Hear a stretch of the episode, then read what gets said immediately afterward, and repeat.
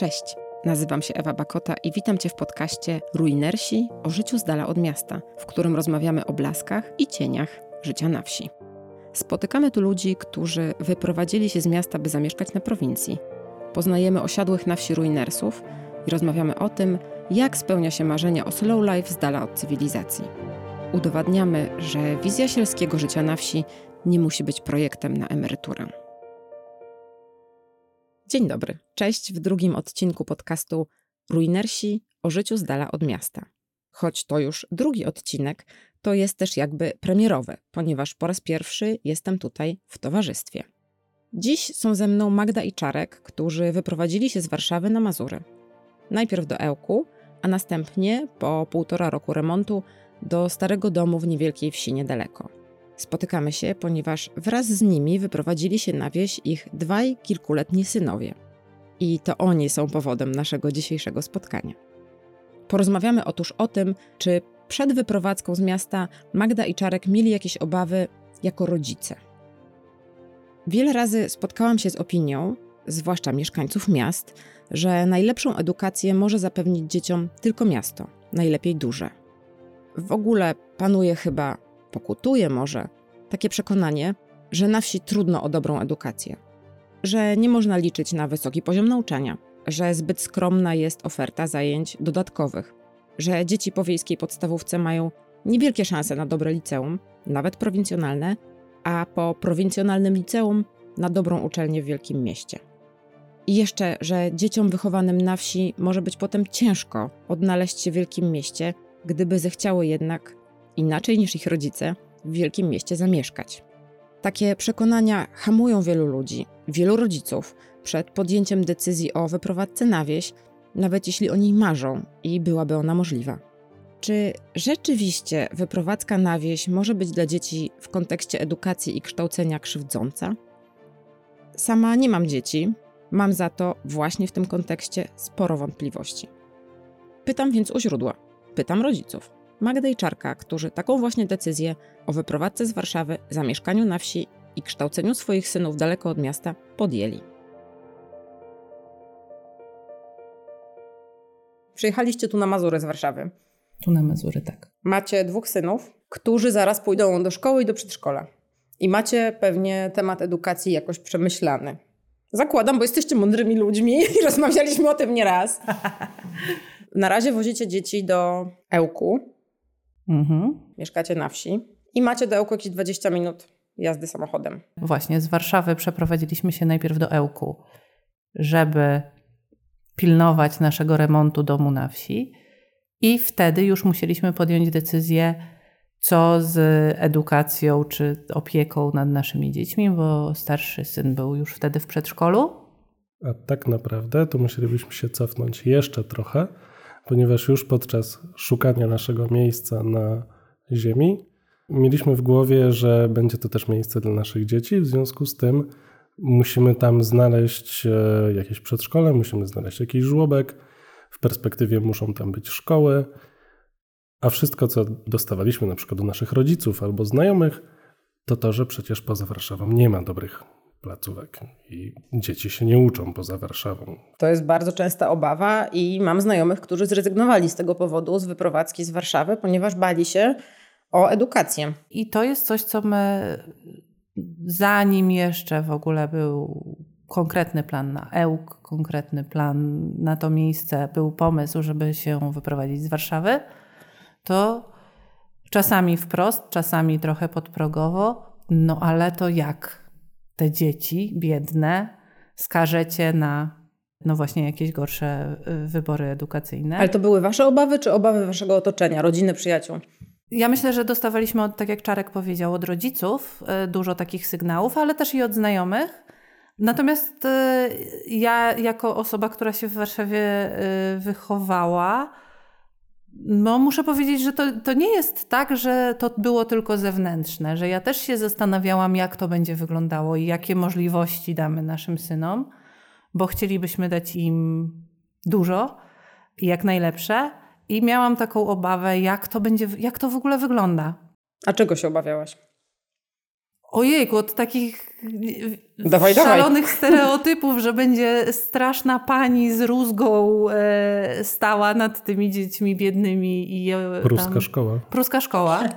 Czy że w ogóle y, no, nie będzie y, wiedzy i świadomości na temat nowego podejścia do nowego podejścia, no, takiego aktualnego podejścia do wychowania dzieci w szacunku, w zrozumieniu, takie powiedzmy historie z tytułów artykułów w internecie, że nie wiem, dzieci nie są karmione w jakichś tam e, miejscach, bo jest oszczędzane na, na jedzeniu, czy że warunki lokalowe są gorsze, bo jest mniej pieniędzy.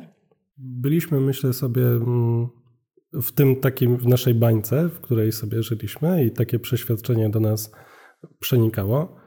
E, I mieliśmy różne reakcje na to. Znaczy, ja swoim standardowym jakoś to będzie, bo dzieci. Wiadomo.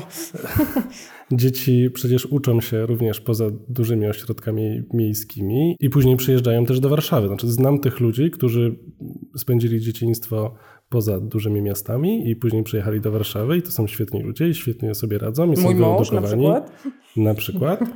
Więc to chyba nie jest tak do końca, że tylko i wyłącznie w mm, dużych miastach e, można znaleźć dobrą placówkę, dobre przedszkole, dobry żłobek. Już powiedzmy nawet chyba mniej się ja osobiście martwiłem o szkołę, a właśnie bardziej o takie miejsca jak żłobek i przedszkole, od którego trochę wymagamy więcej moim zdaniem dla, dla, dla naszych dzieci, bo przecież są jeszcze wtedy takie małe i, i, i tak. bezbronne.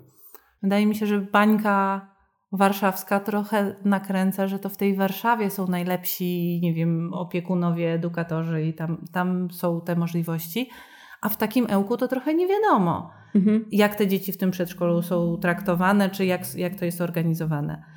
Więc było, była taka wątpliwość, czy my znajdziemy odpowiednie miejsce dla naszych dzieci i jak to będzie wyglądało, nawet w Ełku. I kiedy ja doszedłem do wniosku, że jakoś to będzie, to Magda zaczęła robić research.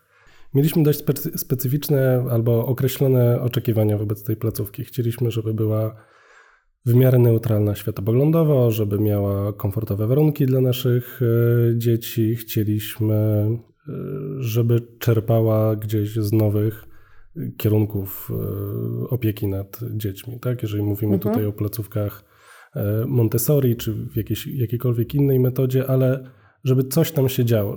I znowu była tutaj nasza obawa, czy znajdziemy takie miejsce gdzieś w, w Polsce. Nawet z tego tytułu, że w dużych miastach tych placówek jest po prostu więcej, więc masz szerszy wybór. Oczywiście. I to, z czym się zetknęliśmy, to to, że ten wybór jest mniejszy. Miasto jest mniejsze, okolica jest e, mniej zaludniona, więc jest mniej, e, mniej tych placówek. Co na koniec dnia okazało się niesłuszną obawą z dziesięciu przedszkoli, na które patrzyliśmy, wybraliśmy te, na którym nie było na przykład księdza na pierwszym zdjęciu na stronie internetowej. Hej. I też ona na tej pierwszej stronie internetowej ma powiedziane, że jest neutralna, więc to był bardzo jasny przekaz dla nas, który mhm. no, dla nas był ważny. I okazało się, że jest to nieduża placówka z e, podejściem właśnie Montessori do dzieci, gdzie tych dzieci jest niedużo gdzie wychodzą często na podwórko, gdzie mają zajęcia e, różne. No i wyglądało to dość atrakcyjnie. Co, co ciekawe, przedszkole dla naszego syna było pierwszą rzeczą, którą ogarnęliśmy e, przeprowadzając się do Ełku. Priorytety. Najpierw było przedszkole, potem było mieszkanie, w którym mamy zamieszkać, co miało pewne konsekwencje, bo przedszkole było na jednym końcu Ełku, a nasze mieszkanie na drugim końcu Ełku. A czy to, że wychowaliście i wykształciliście się w Warszawie, czy to miało wpływ na Waszą y, decyzję o tym, że dzieci będą się kształciły raczej na luzie, tu na prowincji, bo zauważyliście jakieś rzeczy, które mogą być w edukacji tutaj lepsze, wygodniejsze? Czy macie może jednak przekonanie po tym czasie, kiedy już tu mieszkacie i funkcjonujecie, poznaliście dużo ludzi i bardziej wiecie, co się dzieje wokół Was, y, że w mieście edukacja też ma swoje minusy. Czyli nie edukacja, może szkoły mają swoje minusy. Na pewno na naszych doświadczeniach na razie z przedszkolem wiemy, że w mniejszych miastach są osoby zaangażowane w opiekę nad dziećmi, świadome nowych trendów i też pewnie jest warte zauważenia, że w takiej niedużej grupie, jak mamy to przedszkole, z taką uwagą osób i z takimi zajęciami dodatkowymi i, i wszystkim, co tam jest zaangażowane, za taką kwotę to można w Warszawie kupić, zagwarantować jedzonko w państwowym przedszkolu. Jest jakieś takie ciśnienie w miastach, chyba, tak jak przyglądam się moim znajomym z dziećmi, że te dzieci się uczą francuskiego i szermierki od czwartego roku życia.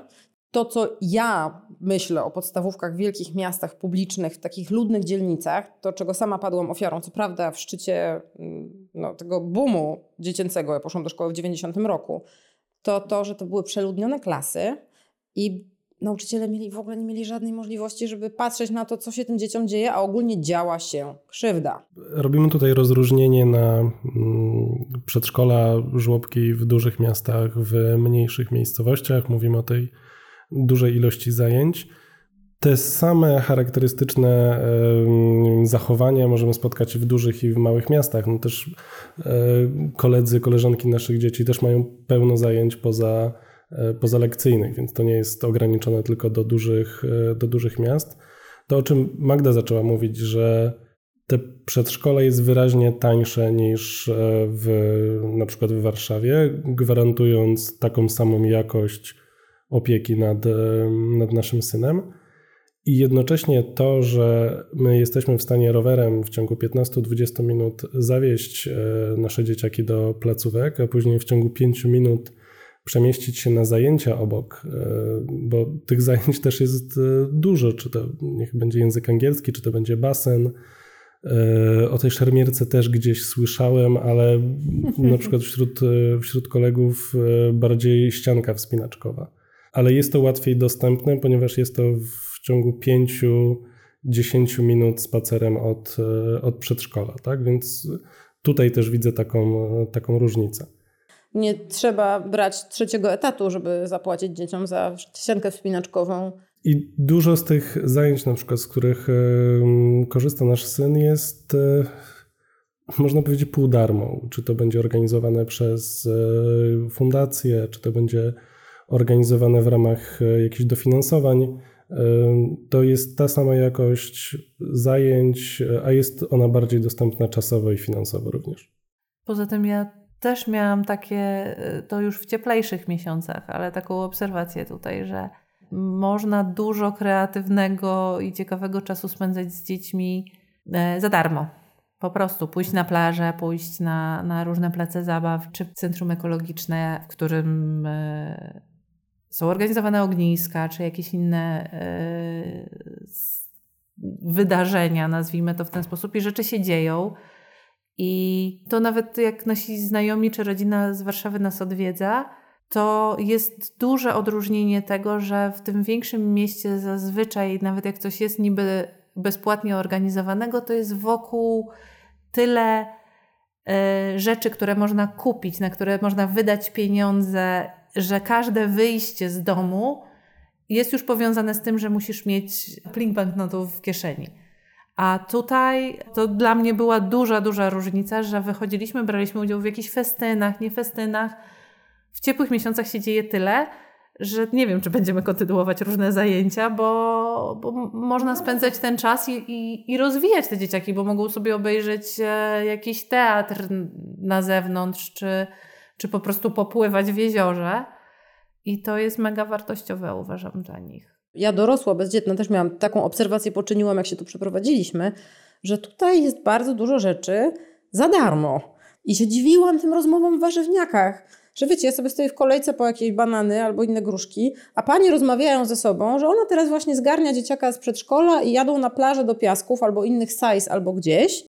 I ja sobie myślałam, Boże, przecież ja takie rzeczy robiłam w Warszawie w sobotę albo w niedzielę i to była wycieczka do Powsina latem i tam była połowa Warszawy, a druga połowa była w Łazienkach, a tutaj ludzie po prostu robią to o 15 po pracy. No to są Mazury, nie? Jakbyśmy mieszkali w ziemi lubuskiej, no to tam by nie było tych wspaniałych jezior, ale pewnie jest bliżej do lasu, no bo też z Ełku wyjeżdża się 2,5 minuty, a nie 2,5 godziny w piątek, żeby pojechać do tego cholernego Powsina, gdzie są już wszyscy. Dobra, ale zabierzmy się z podstawówki, bo nigdy stąd nie wyjdziecie. Jakie szkoły planujecie dla chłopców? Bo pamiętam, że były rozważania o jakiejś małej podstawówce w jakiejś okolicznej wsi albo mikromiasteczku. Były rozważania o tym, że będziecie wozić chłopców do Ełku, do szkół, albo będą jeździli autobusem szkolnym i wy się będziecie mogli wyspać, jak już będą na tyle duzi, albo że pójdą do szkoły prywatnej. O czym myślicie teraz i dlaczego? Myślimy chyba o, cały czas o wszystkich tych e, opcjach, bo znowu wszystkie te opcje są dostępne. Czyli możemy wypuścić naszych chłopaków do szkoły podstawowej w pobliskim większym mieście, które jest 7 do 10 minut jazdy samochodem. Możemy puścić chłopaków do podstawówki w Ełku, które jak już wspominaliśmy jest 20 minut samochodem. E, zastanawiamy się również nad prywatną szkołą realizującą program w edukacji domowej. Bo o, też, to taki wątek. Tak, bo też jest e, taka możliwość i, i to są opcje, które przed nami stoją i one są, można powiedzieć, równoważne. Z jednej strony myślimy o lokalnej szkole gdzieś niedaleko naszego domu, bo wyprowadziliśmy się już z Ełku przecież, żeby chłopaki mieli kontakt z dzieciakami, którzy mieszkają niedaleko, do których mogą pojechać rowerem, z którymi można się spotkać gdzieś właśnie na pobliskiej plaży i pobawić. Z drugiej strony mają już kolegów tutaj, w Ełku, w przedszkolach, którzy też idą do jakiejś szkół, więc chcielibyśmy na przykład, żeby poszli do szkoły, gdzie idzie, um, idą koledzy z grupy. To jest druga opcja. No i trzecia opcja, która gdzieś nam e, mocno w sercu siedzi, to jest właśnie ta szkoła w, w, w trybie edukacji domowej. Ze względu trochę na to, jak patrzymy na edukację naszych dzieci i to, co jest dla nas e, ważne, e, i to, że chcielibyśmy albo nie chcielibyśmy być może wtłaczać e, naszych chłopaków w, w sztywne ramy szkoły. Ta szkoła, o której mówimy, chyba możemy powiedzieć, że to jest nowa szkoła EUK, to jest... To jest jakaś super popularna wśród ruinersów szkoła. Tutaj wszyscy ją no super chwalą. No to super. To, to jest właśnie y, szkoła funkcjonująca właśnie w, w tej edukacji domowej, realizująca się w ten sposób, że te dzieci mają zorganizowany czas i są razem, czyli nie, nie to, że są w domu i spotykają się raz na jakiś czas, tylko codziennie idą do szkoły. Tylko nie jest ona zorganizowana w standardowe lekcje, tylko, tylko jest to trochę, trochę luźniej, trochę bardziej otwarte, dużo sportu, dużo jakiegoś przebywania na świeżym powietrzu i, i, no, brzmi to całkiem fajnie. Tak, i to jest coś, co nam mm, nas chwyta za serce, ale jednocześnie opcją jest dla nas, żeby chłopaki mm, poszli do, nazwijmy to, standardowej szkoły podstawowej. No, zwłaszcza, że nasz syn chyba ma dość dużą ochotę, żeby pójść do takiego miejsca, gdzie będzie siedział w ławce, gdzie będą lekcje, gdzie będą dzwonki. Być może już tęskni za jakimś takim standardowym podejściem do, wie, do edukacji. Myślę, że my się staraliśmy e, i staramy zawsze e, go zachęcać do rozwoju. Jeżeli będzie to szkoła tradycyjna ostatecznie, no to tutaj mamy dwa kierunki. Jedna to jest szkoła w mniejszym miasteczku bliżej nas, do którego tak jakby regionalnie należymy. I tu nam w sumie już nasi znajomi ełccy podpowiadają, że plusy takiej szkoły są takie, że tam jest tych dzieci po prostu mniej w klasach. I problemy, z którymi obydwie się w szkole spotykałyśmy, że klasy były przeludnione i no w Warszawie ja słyszę, że nadal są takie problemy, że mhm. nauczyciele nawet się nie uczą imion dzieci, bo jest ich tyle. Naprawdę słyszałam taki komentarz no to dla mnie to jest nieakceptowalne. Więc jeżeli mamy sytuację mniejszej szkoły, gdzie tych dzieci w klasie jest piętnastka, no to tak. wiadomo, że to są inne warunki w ogóle do raz współpracy z nauczycielem, zbudowania relacji z nauczycielem i do, do, do w ogóle no, jakiegoś uczenia się. Więc to jest plus tego mniejszego miasteczka. Natomiast plusem takiego większego ełku, jeżeli byśmy się zdecydowali na szkołę tutaj, jest fakt, że jeżeli chodzi o dodatkowe zajęcia, to to już jest raczej ełk. Więc tak czy siak na jakieś dodatkowe zajęcia pewnie byśmy musieli tu przyjeżdżać, plus koledzy, którzy już tu są. A czy widzicie jakieś minusy tych rozwiązań? Czego byście się obawiali w takiej szkole w malutkim miasteczku? I czy w Ełku y, w szkole grozi Wam przeludnienie w klasach? Są takie szkoły, które ja się dowiaduję, że jest trochę więcej tych dzieci i że, że jest, jest ten tłok. Tylko potem właśnie jak się przechodzi do szczegółów, to to jest w ogóle zupełnie inny poziom tłoku versus duże miasto. Ja mam obawy co do szkoły, ze względu też na jakieś swoje doświadczenia, które odnoszą się do szkół w miastach, na wsiach, mniejszych miastach, dużych miastach. Myślę, że są to problemy, które się gdzieś powtarzają z, z przemocą w szkole, z brakiem zaangażowania nauczycieli, z wszystkim tym, z czego gdzieś rodzice zdają sobie sprawę, co może czekać ich dzieci w szkole. To, co mnie uspokaja w kontekście mniejszych miast i wsi, jest taki, że droga dotarcia do nauczyciela jest łatwiejsza.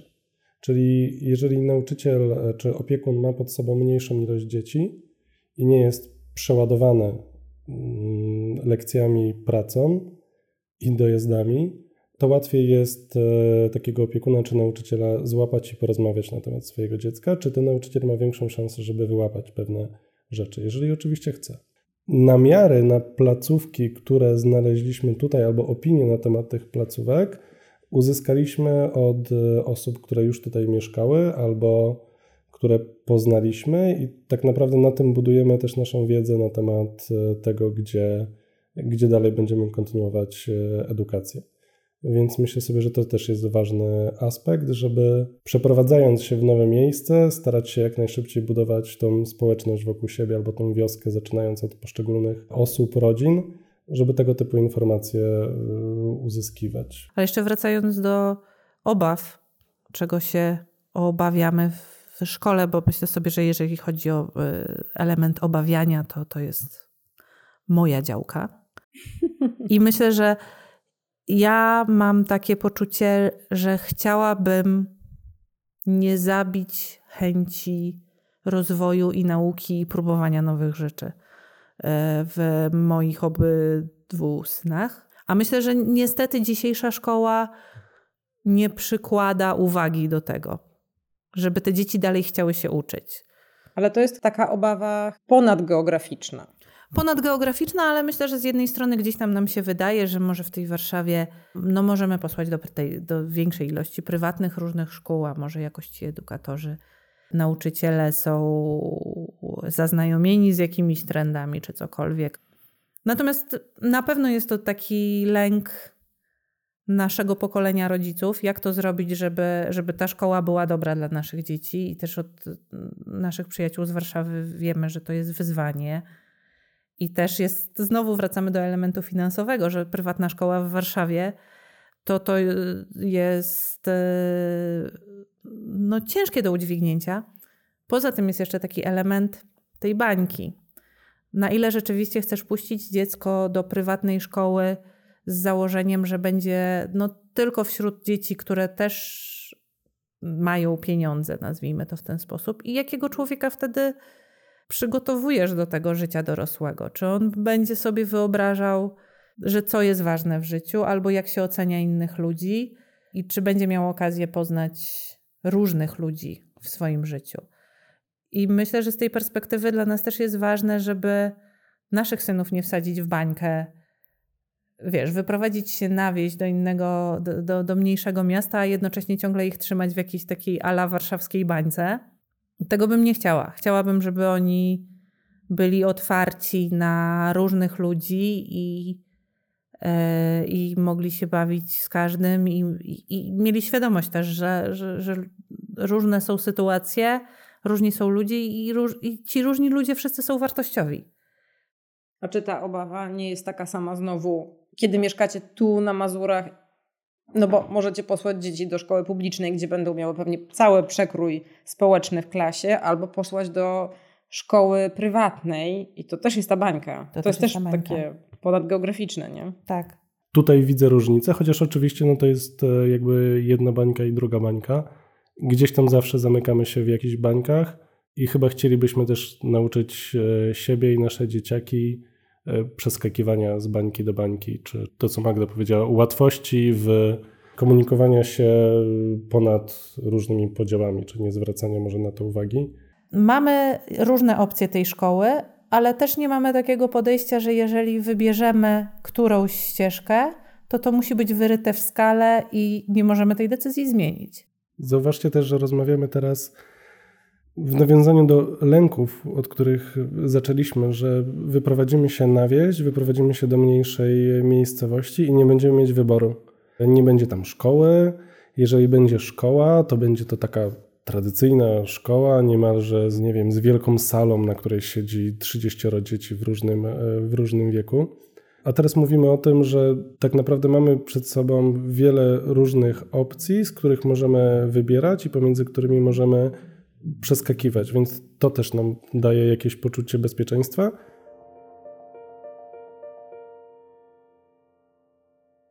Chciałam jeszcze, zanim pójdziemy do liceum, zadać jedno pytanie. Wydaje mi się, że to może być ważne. Czy to, że wy mieszkacie na wsi, daje waszym dzieciom coś dodatkowego? Czy to, że wy jesteście bardziej dla nich dostępni, bo jesteście narażeni na mniejszą liczbę bodźców? Może nie teraz, kiedy pracujesz po nocach, ale mm, wy też jesteście bardziej skupieni w domu. Na wsi żyje się jednak trochę inaczej, mniej czasu zajmują dojazdy, nawet jak się dojeżdża z zakupów, czy z kina, czy z basenu, z Ełku do tego domu, to jest 20 minut. No, w Warszawie bardzo mało to jest 20 minut. Czy coś takiego jest? Widzicie jakiś taki potencjał na wsi w kontekście edukacji, który dla waszych dzieci może być ważny? Może o czymś ja nie pomyślałam.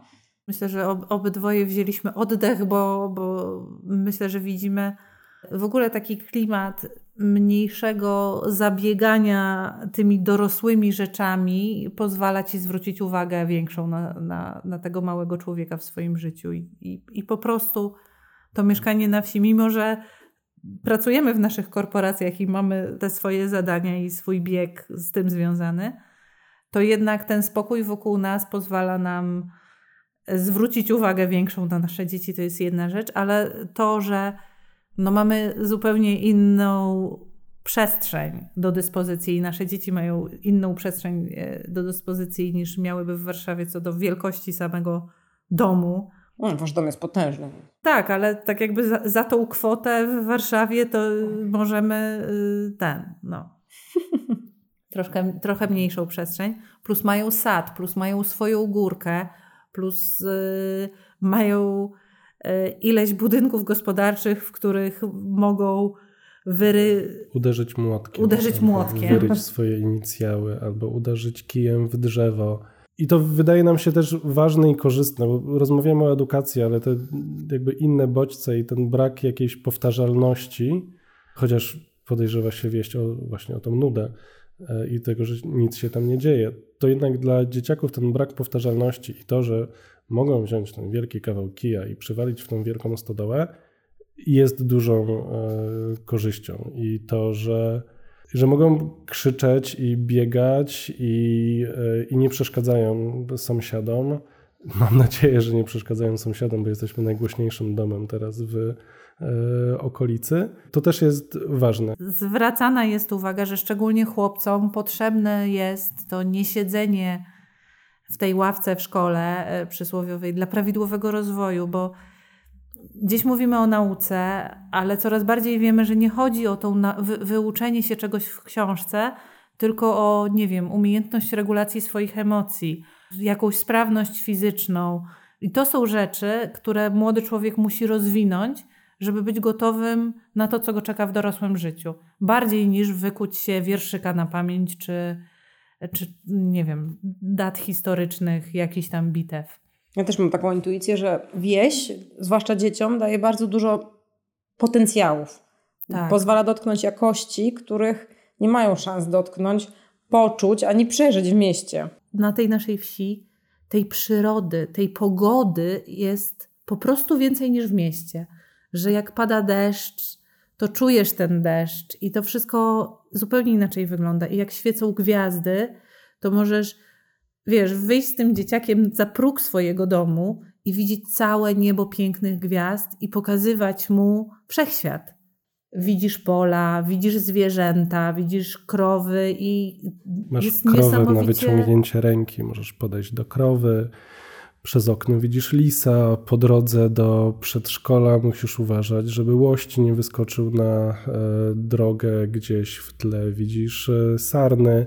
Za chwilę zlecą się bociany, więc będziemy liczyć e, bociany, więc to też są rzeczy, które wydaje mi się wpływają na jakość tego, jak dzieciaki traktują wycieczkę do przedszkola albo do szkoły jeżeli po drodze jest perspektywa spotkania łosia, to jest to trochę ciekawsze niż, e, niż stanie w korku. To są takie rzeczy, których oni się uczą trochę. Przechodzimy nad tym jako coś normalnego, ale to, że oni widzą, że przy, w którymś momencie przylatują te bociany. Te bociany mają gniazda takie, a nie inne, i w pewnym momencie pojawiają się małe, a potem tych bocianów nie ma. To to jest dla nich już część tła, czego dzieci jakby mieszkały w mieście, to musiałyby się może kiedyś nauczyć, że jest coś takiego jak migracja ptaków i w ogóle o co chodzi. A to będzie takie, aha, no wiem. I tak samo jak wygląda lis, jak wygląda łoś. Ja zobaczyłam łosia chyba pierwszy raz w swoim życiu jako dorosła kobieta. I byłam w szoku, że łoś jest taki wielki.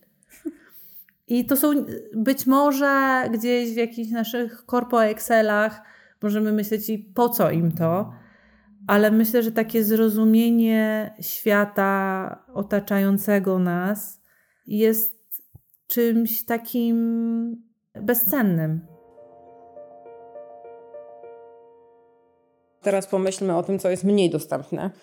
No bo chłopaki pójdą do e, przedszkola, podstawówki, skończą przedszkole, skończą podstawówkę i staniecie, ja wiem, że to jest bardzo mówienie na wyrost i jeszcze będziemy o tym rozmawiać za parę lat, ale no, będą chcieli pójść do liceum pewnie. I co?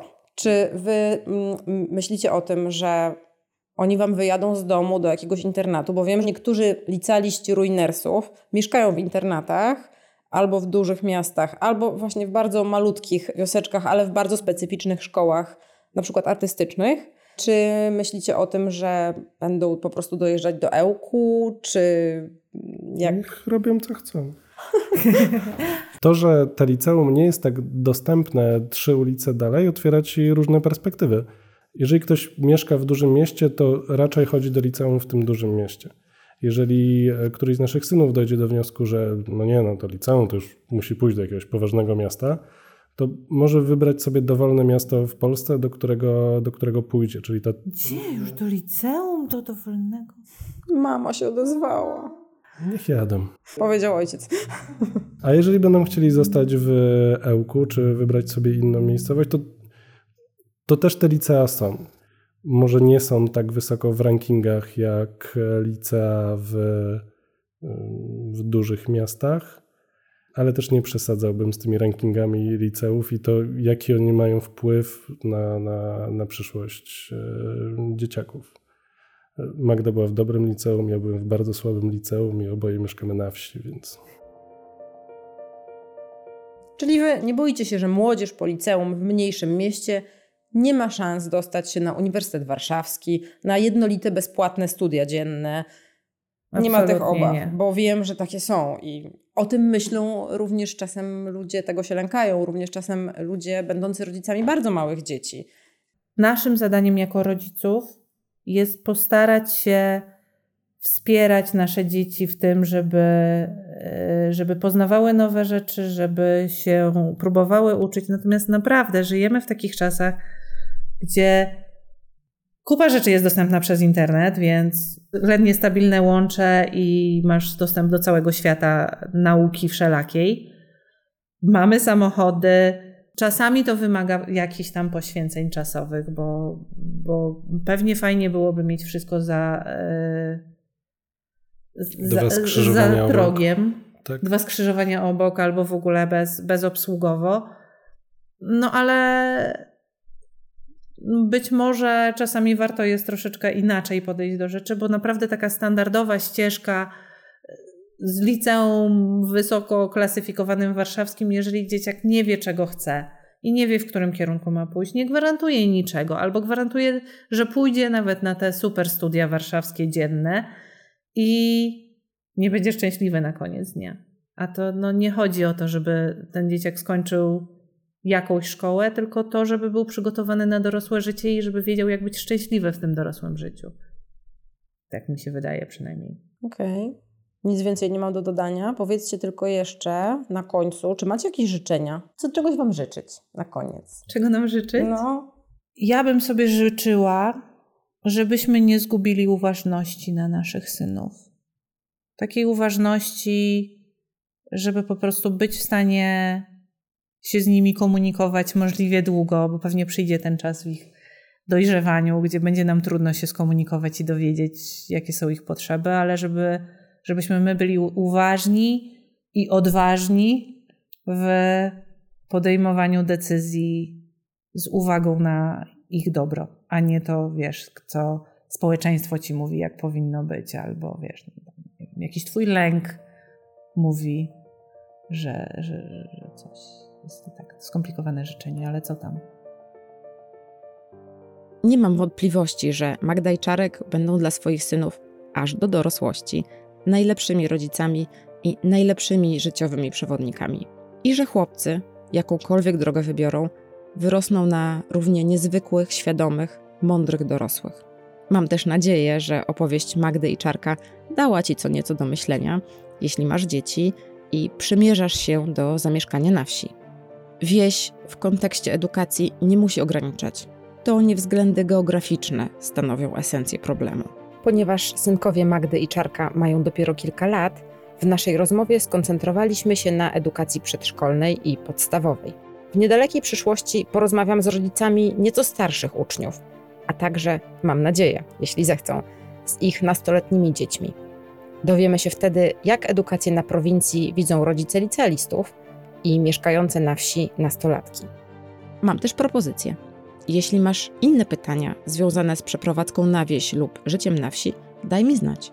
Znam tylu ruinersów, tylu wiejskich osadników, że z pewnością znajdę kogoś, kto na Twoje wątpliwości odpowie, niezależnie od tematu. Na niektóre zresztą znajdziesz odpowiedzi na Instagramie Magdy i Czarka. Mają konto krzywe k podkreślnik zywę, na którym dzielą się swoim życiem na wsi i dzięki któremu się poznaliśmy. Zapraszam Cię też do siebie, bo ja też wyprowadziłam się z miasta i mieszkam na wsi. Na Instagramie prowadzę profil Siedlisko na Mazurach, gdzie pokazuję zarówno blaski, jak i cienie życia na mazurskiej wsi. Zapraszam Cię też na następny odcinek. Porozmawiamy w nim o sprawie bardzo, bardzo ważnej o tym, jak zarabiać pieniądze na życie mieszkając na wsi. Ja nazywam się Ewa Bakota, a to był podcast Ruinersi o życiu z dala od miasta.